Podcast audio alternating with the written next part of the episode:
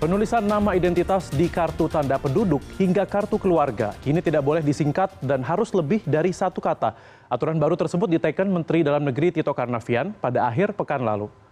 Selain tidak boleh disingkat dan juga harus lebih dari satu kata, pencatatan nama pada dokumen kependudukan juga tidak boleh menggunakan angka dan tanda baca, serta dilarang mencantumkan gelar pendidikan dan keagamaan pada akta pencatatan sipil.